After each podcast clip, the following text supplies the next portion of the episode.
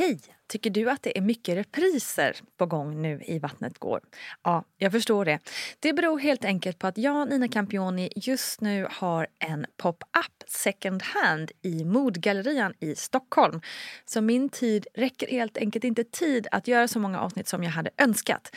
Men tills jag är tillbaka på full tid, kom gärna och hälsa på mig i Modgallerian. Vi ses!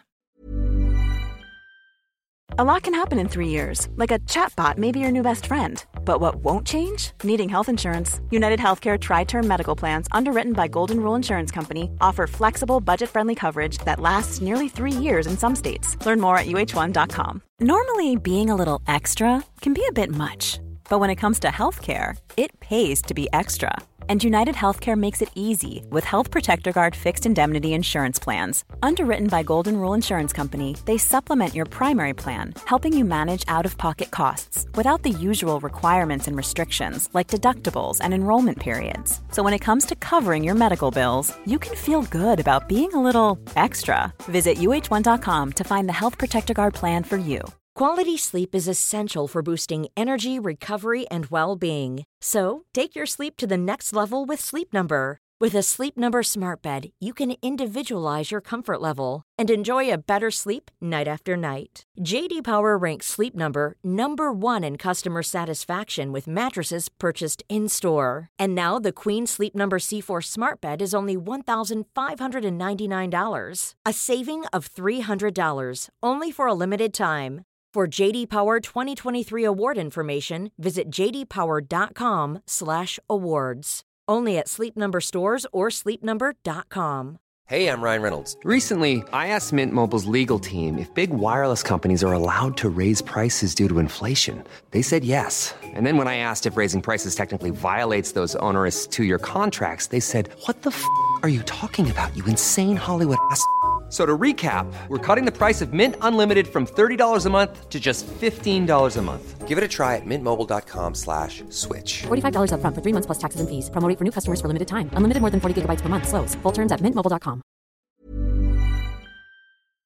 Hej, hej bästa du igen. Välkommen till ploggen med mig Nina Campioni. Här pratar vi om allt möjligt som rör graviditet och förlossning. Och ja, det är mest jag som kommer med lite egna åsikter, erfarenheter och tips. Men också mycket information från proffsen som Gudrun Abascal, 1177 och andra tillförlitliga källor som kan hjälpa dig på traven framåt.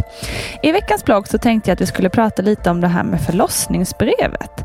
Måste man skriva ett? Och vad sjutton skriver man om man inte har någon aning om vad man vill? Och vad betyder egentligen det där brevet? Jag frågade Gudrun. Varför ska man skriva ett förlossningsbrev egentligen? Att de flesta känner att när man sätter saker och ting på pränt så innebär det att jag har funderat, reflekterat och tänkt på förlossningen i jämförelse om allt bara fladdrar runt i luften.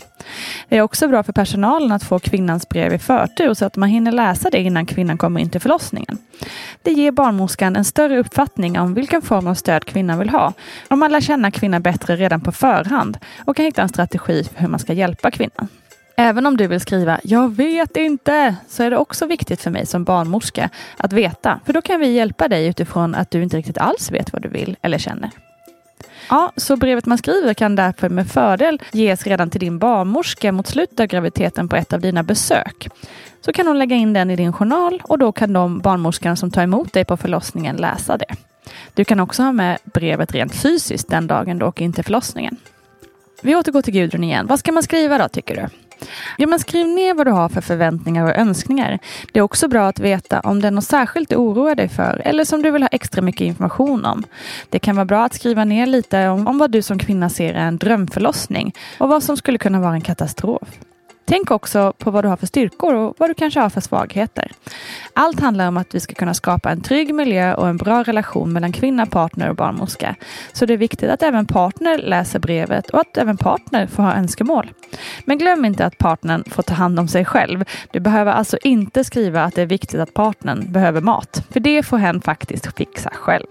Men kan man då lita på att det följs, det här brevet? Det är inget kontrakt man följer och kanske vill även du som kvinna ändra på något under tidens gång. Kanske har du skrivit att du inte vill ha smärtstillande, men när du väl kommer in så är det det enda du kräver. Så se inte det som du har skrivit som ett tvång. Som barnmorska har jag i första hand barnets och kvinnans hälsa i fokus. Och skulle det vara något ur medicinskt perspektiv som går emot vad man har skrivit i brevet så måste man i vissa fall föreslå förändringar och förklara på ett sådant sätt att kvinna och partner förstår att vi måste frångå önskemålen som förstföderska så kan det vara svårt att veta vad man själv vill ha eller vad som är rätt för en själv. Hur ska man lyckas ta några beslut kring det här egentligen? Ja, om man inte kan så behöver man inte göra det. Känn ingen press kring det här brevet. Man ska kunna komma in och föda barn utan att man har förberett sig någonting. För så professionella är faktiskt barnmorskorna och ska så vara för att du som kvinna ska kunna lita på att vi kan hjälpa dig på bästa sätt, även om du inte har skrivit något brev. Din partner känner dig också ännu bättre än vad barnmorskan gör och kommer kunna hjälpa och komplettera under vägen. För min egen del var brevet viktigast andra gången. Jag hade en traumatisk upplevelse i bagaget och jag hade genom Aurora-samtal fått försäkring om att alla skulle läsa mitt brev och att man skulle försöka följa vår plan så gott det gick. Och det var verkligen så att alla team som jag träffade under min andra förlossning, det var fyra olika, började träffen med Hej, jag heter so and so och jag har precis läst ditt brev. Känns det okej okay att vi fortsätter enligt plan? Eller Hej, nu är det jag som ska ta hand om dig. Är det okej okay om jag läser ditt brev? Det kändes otroligt betryggande att de både såg mig och hörde mig och tog tiden att verkligen läsa mina ord. Sen avvik vi från planen både under första förlossningen och den andra. Men det gjorde inte så mycket eftersom det gjordes i samförstånd mellan mig och barnmorskorna.